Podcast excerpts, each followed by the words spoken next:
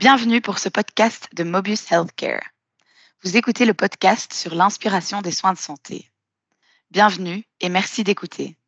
Dans cette série de podcasts, nous inspirons les auditeurs en partageant les meilleures pratiques des paysages des soins de santé à l'étranger.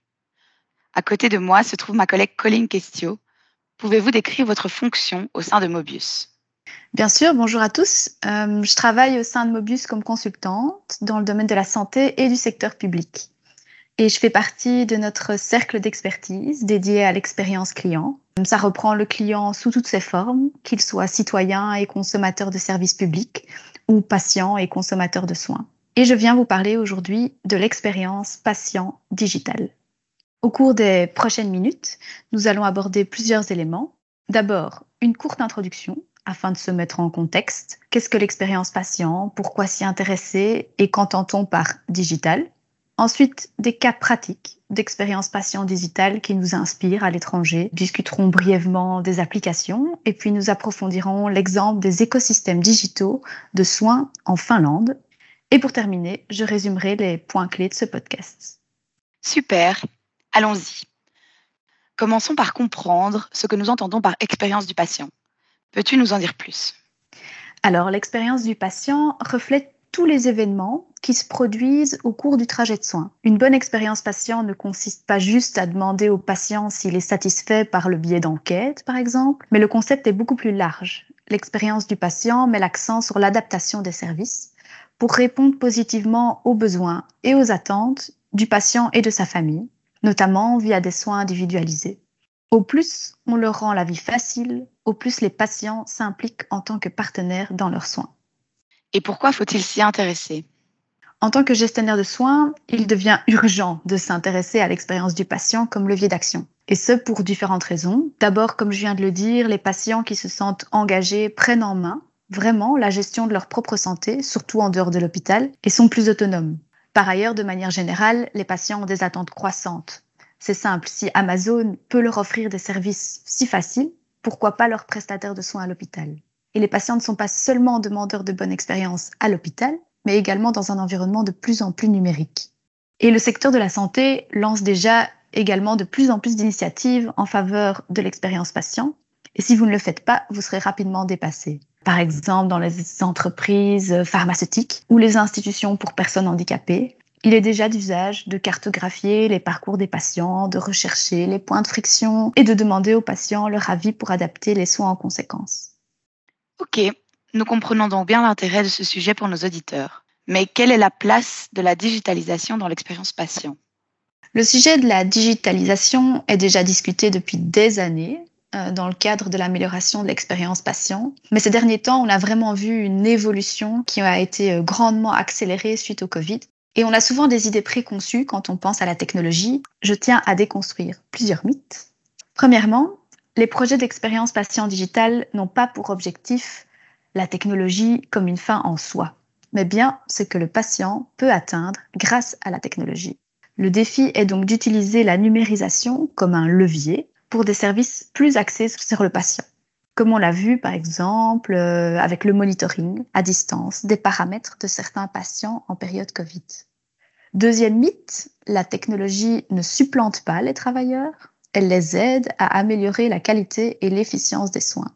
Et cette collaboration nous pose d'ailleurs un enjeu majeur. Comment connecter les expériences numériques et humaines pour rendre le trajet global fluide et cohérent au fil des interactions?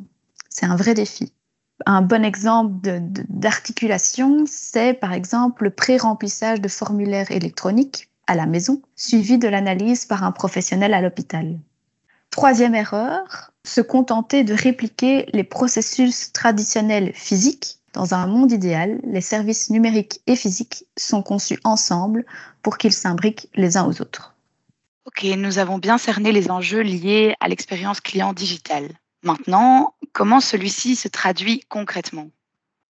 Alors, je vous propose aujourd'hui de discuter deux technologies qui montrent de manière assez intéressante comment l'expérience patient peut être digitalisée d'une part des applications et d'autre part des écosystèmes. Parfait. Et que peux-tu nous dire sur les applications de santé pour commencer? Alors aujourd'hui et depuis quelques années déjà, le monde de la santé fait face à un, un déferlement, une vague d'applications très diverses. Ce marché qui est en pleine expansion couvre un, un, vraiment un large panel de, de fonctionnalités. Ça va euh, des applications lifestyle qui nous apprennent à faire du sport et à bien manger, jusqu'aux applications de suivi post-opératoire médicalisé à la maison. Et est-ce qu'il y aurait un exemple concret que tu pourrais nous partager? Oui, bien sûr. Alors, j'avais envie de vous en dire plus sur une application du Boston Children's Hospital qui est assez représentative du potentiel des applications euh, de manière générale. Alors, quel était l'objectif des concepteurs? Il était de réduire le stress des visites à l'hôpital pour les enfants et leurs familles. Et le projet comprenait deux volets. Premier volet, un chatbot, donc un assistant virtuel qui puisse répondre de manière instantanée à toutes les questions de la famille et des enfants. Mais ce chatbot présente aussi des fonctionnalités plus fun, comme par exemple la possibilité de raconter une blague sur demande euh, pour déstresser les parents ou, euh, ou leurs enfants. L'autre volet de leur application comprend plusieurs fonctionnalités afin d'améliorer l'expérience du patient, donc de l'enfant, et de sa famille tout au long du trajet de soins comme un formulaire d'inscription en ligne qui peut être complété avant les rendez-vous pour réduire les temps d'attente, comme des notifications pour rappeler les rendez-vous prévus à l'hôpital, comme une carte de stationnement numérique pour simplifier le parking, ou encore une carte de navigation interactive sur le campus hospitalier pour trouver rapidement les salles de rendez-vous ou de consultation, un jeu de chasse au trésor pour divertir les enfants pendant les temps d'attente. On sait que ça peut être long, et enfin, un outil de suivi en temps réel du déroulement de l'opération de l'enfant pour que les parents puissent mieux utiliser temps. Donc ils savent ça fait combien de temps que l'enfant est au bloc opératoire. Ils peuvent aller par exemple se promener sans craindre de ne pas être là lorsque l'enfant sortira euh, de la salle d'opération. Et donc au final, grâce à cette application, la technologie a permis de résoudre tous les événements et les points irritants de ce parcours de soins et de mieux répondre aux besoins individuels du patient et de sa famille. Et l'expérience des patients a été considérablement améliorée car désormais les parents peuvent non plus se concentrer sur le temps perdu au parking, euh, trouver la salle euh, de consultation, mais se concentrer sur ce qui compte le plus, le bien-être et les soins de leur enfant. Merci beaucoup pour euh, tous ces exemples. Tu as attiré mon attention en parlant de chatbot. Pourrais-tu élaborer à ce sujet? Il faut savoir que les chatbots présentent un potentiel immense pour réinventer les soins de santé et je pourrais en parler en long et en large. Si nos auditeurs sont intéressés par le sujet, je leur suggère de télécharger le blog d'inspiration qui est disponible sur notre site internet. Super idée. Et maintenant que nous avons exploré le monde des applications, il me semble que tu souhaitais aborder un deuxième volet. Oui, tout à fait. En fait, la plupart des initiatives de digitalisation des soins de santé y compris les applications, sont ciblées sur un domaine clinique ou un groupe de patients très spécifique, ce qui les rend difficiles à mettre à l'échelle et à intégrer à une offre de soins complète. Par contre, les plateformes d'accès à des écosystèmes répondent à ces enjeux. Elles sont appelées en anglais front door ecosystems et en fait il s'agit de passerelles ou de portes d'entrée vers un vrai écosystème de santé. Ces écosystèmes présentent trois avantages principaux. D'abord, ils sont centrés sur le client. Donc cette porte d'entrée fournit au patient un canal numérique fluide pour accéder à toutes sortes de services, comme trouver un médecin, accéder au dossier, programmer des visites, soit en live, soit virtuelles, euh, visiter une clinique de manière virtuelle et bien d'autres services. Premier avantage centré sur le client. Deuxième avantage, ce sont des, des, plateformes intégrées. En effet, ces plateformes de soins numériques intégrées rassemblent des informations qui viennent non seulement de l'hôpital, mais également des médecins généralistes, des prestataires de soins à domicile, des pharmaciens, etc. Et troisième avantage, ces écosystèmes sont multicanaux. Donc ces plateformes proposent un mix de canaux, euh, que ce soit messagerie, mail, portail, vraiment à la convenance des patients et selon euh, la démographie de votre patientèle, par exemple. C'est très intriguant. Euh, est-ce que tu as un exemple concret à proposer? Parmi tous les écosystèmes, j'ai choisi de nous inspirer aujourd'hui à l'aide du Health Village finlandais euh, ou village de santé, qui constitue un écosystème à l'échelle de l'hôpital de Helsinki Alors, pour vous situer un peu le contexte, quelles sont les caractéristiques de cet hôpital? L'hôpital d'Helsinki dispense environ un tiers des soins spécialisés en Finlande. Il reçoit plus de 3 millions de visites de patients pour un total de 700 000 patients environ. Il compte 2800 lits et représente le deuxième plus grand employeur du pays. Et en quoi consiste exactement le concept de village de santé? Il s'agit d'une plateforme numérique offrant à la fois, il y a trois volets. Le premier, des services de santé publics accessibles au grand public. Donc tout un chacun peut y consulter des vastes bibliothèques d'informations sur les soins de santé qui ont été rédigées par des professionnels, qui ont été revues par des pairs et qui sont formulées sans jardin médical pour être comprises par tous. D'autres services sont proposés comme euh, des chatbots, euh, une première orientation pour les soins aigus, un statut en temps réel des files d'attente pour euh, les urgences ou encore un annuaire de services. C'était pour le premier volet, accessible au grand public. Il y a un deuxième volet qui comprend plus de 100 parcours de soins numériques pour les patients présentant des diagnostics spécifiques. Et ces soins numériques sont fournis parallèlement aux visites physiques traditionnelles dans les cliniques et aux examens. Premier volet à destination du grand public, deuxième volet à destination des patients, troisième volet. Euh, le troisième volet comprend des guides digitaux et des cours de formation en ligne pour les professionnels de santé afin d'améliorer leur pratique de travail. Personnellement, je pense que ce troisième volet constitue vraiment un facteur majeur de réussite de ce projet de digitalisation. Pourquoi? Parce qu'il inclut les prestataires. L'accent est mis vraiment sur l'expérience des employés et les difficultés pour le personnel d'adapter les nouveaux outils numériques aux processus existants. Et toute technologie se révèle inutile si elle n'est pas acceptée par les prestataires. Donc c'est très malin, en fait, de les intégrer dès le début et de les former à ces nouvelles pratiques. Ok, euh, ces trois aspects m'ont l'air super intéressants, mais dans le podcast, euh, nous nous concentrons sur l'expérience patient, n'est-ce pas? Oui, tout à fait. Donc, je vous propose de découvrir plus en détail ces parcours de soins digitaux. Pour commencer, explorons comment ces parcours sont designés. En fait, pour chaque parcours de soins, et comme je le disais, il y en a plus de 100 qui couvrent des pathologies qui vont du traitement des maux de tête à l'asthme, à la dialyse à domicile, des soins palliatifs. Donc, euh, ça couvre un large spectre chaque parcours de soins est développé par des dizaines de personnes, depuis le contrôleur de gestion en passant par le médecin, le responsable de la planification, l'informaticien, l'infirmière, jusqu'au patient lui-même. Énormément de, de, personnes sont impliquées.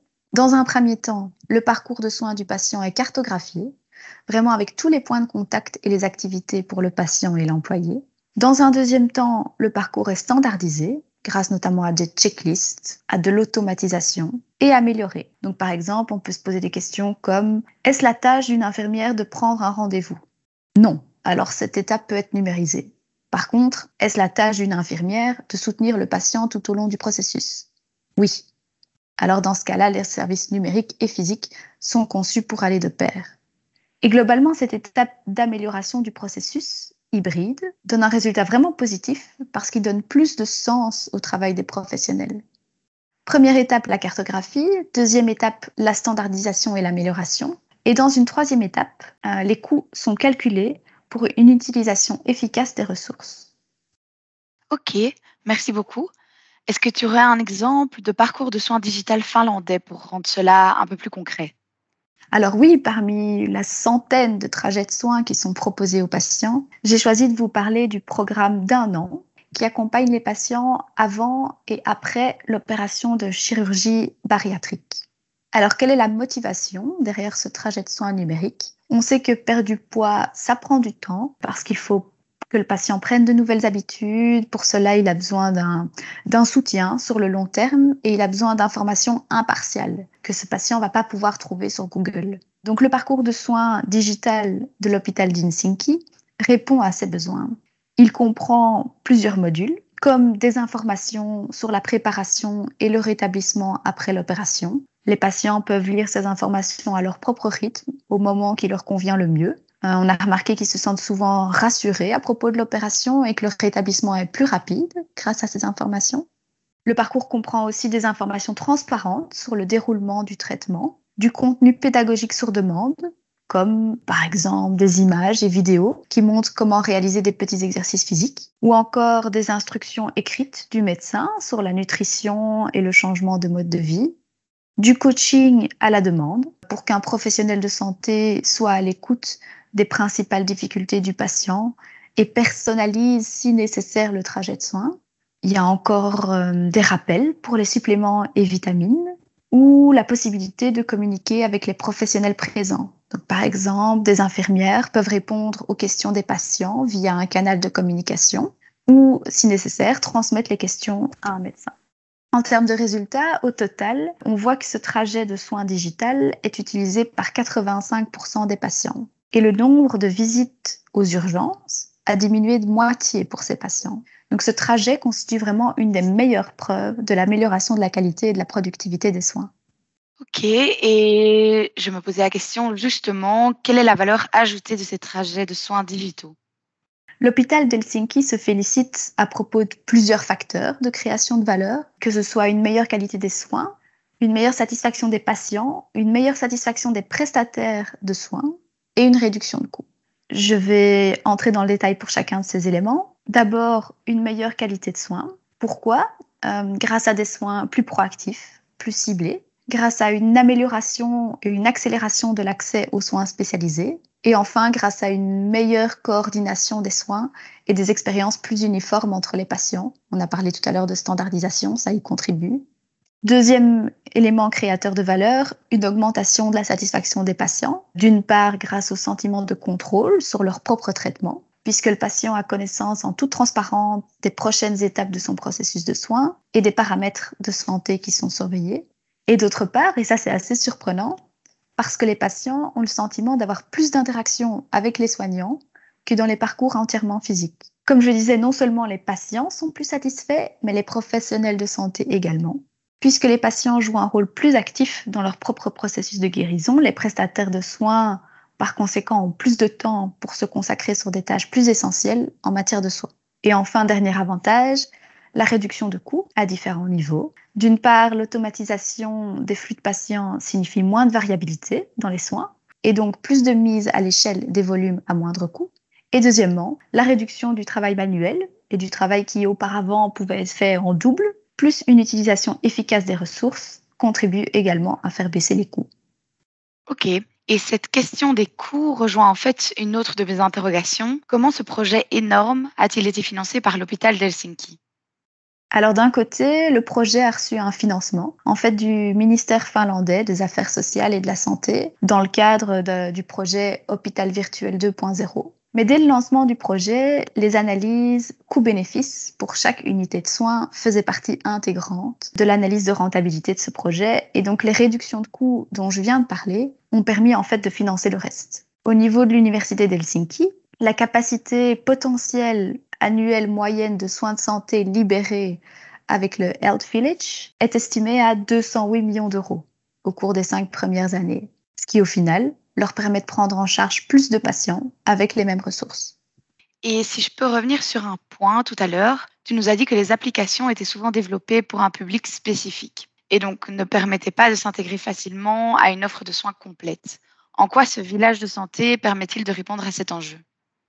Très bonne question. Eh bien, tout simplement grâce à l'architecture de la plateforme numérique. Ils ont en fait centralisé toutes les données provenant de nombreuses sources liées au flux de patients, au flux de travail clinique et au flux financier. Et ces données ont été transformées via du data mining en services et applications prêts à être intégrés dans leurs dizaines de parcours de traitement numérique différents. Donc ils ont un peu construit des, blocs génériques, comme des Lego, qui peuvent servir à tous les groupes de patients. Et ces services euh, comprennent euh, un chatbot, un calendrier, un gestionnaire des identifiants, un journal de symptômes, des modules professionnels, un enregistrement des visites, etc.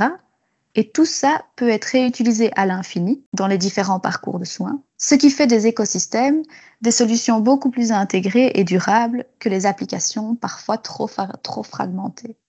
Super. Euh, c'est un exemple super inspirant euh, que celui de la Finlande, je trouve, et j'ai hâte de voir euh, ce que le futur nous réserve. En effet, moi aussi, dans les années à venir, on s'attend à ce que ce concept de plateforme aille encore beaucoup plus loin. En Chine, par exemple, iCarbon X a l'ambition de devenir le guichet numérique unique pour la santé, en offrant des soins hautement personnalisés, allant de la recommandation de soins pour la peau à la possibilité de souscrire à une assurance santé en passant par la prévention proactive des maladies sur base d'analyse génétique. Incroyable, non? Oui, tout à fait. Merci beaucoup en tout cas pour ces différents exemples qui ont piqué notre curiosité. Si j'étais un gestionnaire d'hôpital, je me poserais quand même encore une question, que ce soit au travers d'une app ou d'un écosystème de parcours de soins numériques. Comment m'organiser au sein de mon hôpital pour améliorer l'expérience patient digitale? Alors, dans tous les cas, de tels projets peuvent être développés en interne ou avec un soutien externe, mais en tout cas, il faudra un sponsor au sein de l'hôpital. Et pour cela, une nouvelle fonction fait progressivement son apparition, celle de responsable de l'expérience du patient, qui est parfois entouré par une équipe de personnes passionnées. En Finlande, je sais que celui qui était au début le, gestionnaire de projet du village de santé est aujourd'hui devenu le directeur des services de santé digitaux et il est à la tête d'une unité entière au service du patient numérique. Je trouve que ce sont des super perspectives pour le futur de l'expérience patient digitale, tout ça. Si tu devais nous résumer en quelques mots ce que nous venons de discuter pendant 30 minutes, que dirais-tu? Hmm, Difficile. Je dirais qu'en bref, l'expérience patient digitale consiste en la capacité à proposer des parcours patients orchestrés et personnalisés pour une expérience patient réussie, dans laquelle les services numériques complètent les parcours et processus de soins traditionnels et le tout est intégré de manière fluide. Et ce, peu importe la technologie employée, euh, application ou écosystème. Et si vous me le permettez, je terminerai sur une citation qui résume très bien la valeur ajoutée de, ce type de projet. Sirpa Arvonen, qui est en fait la responsable des services digitaux du Health Village finlandais, dont on parlait tout à l'heure, a dit Le développement de services virtuels et électroniques, étroitement imbriqués dans le parcours des patients, vise à concevoir des services multicanaux et axés sur le client à améliorer la prévention des maladies et l'efficacité des soins, à faciliter l'accès des clients au traitement en temps voulu et à accroître l'efficacité des rendez-vous à distance. L'utilisation des services de santé en ligne permet d'affecter les ressources humaines à des domaines de services plus exigeants dans lesquels le conseil et les soins aux patients requièrent un éventail plus large de compétences. Fin de citation. Voilà, j'espère que vous avez été inspiré et prêt à réinventer votre expérience patient. Merci beaucoup en tout cas pour cette discussion. C'était la fin de ce podcast. Merci de nous avoir écoutés.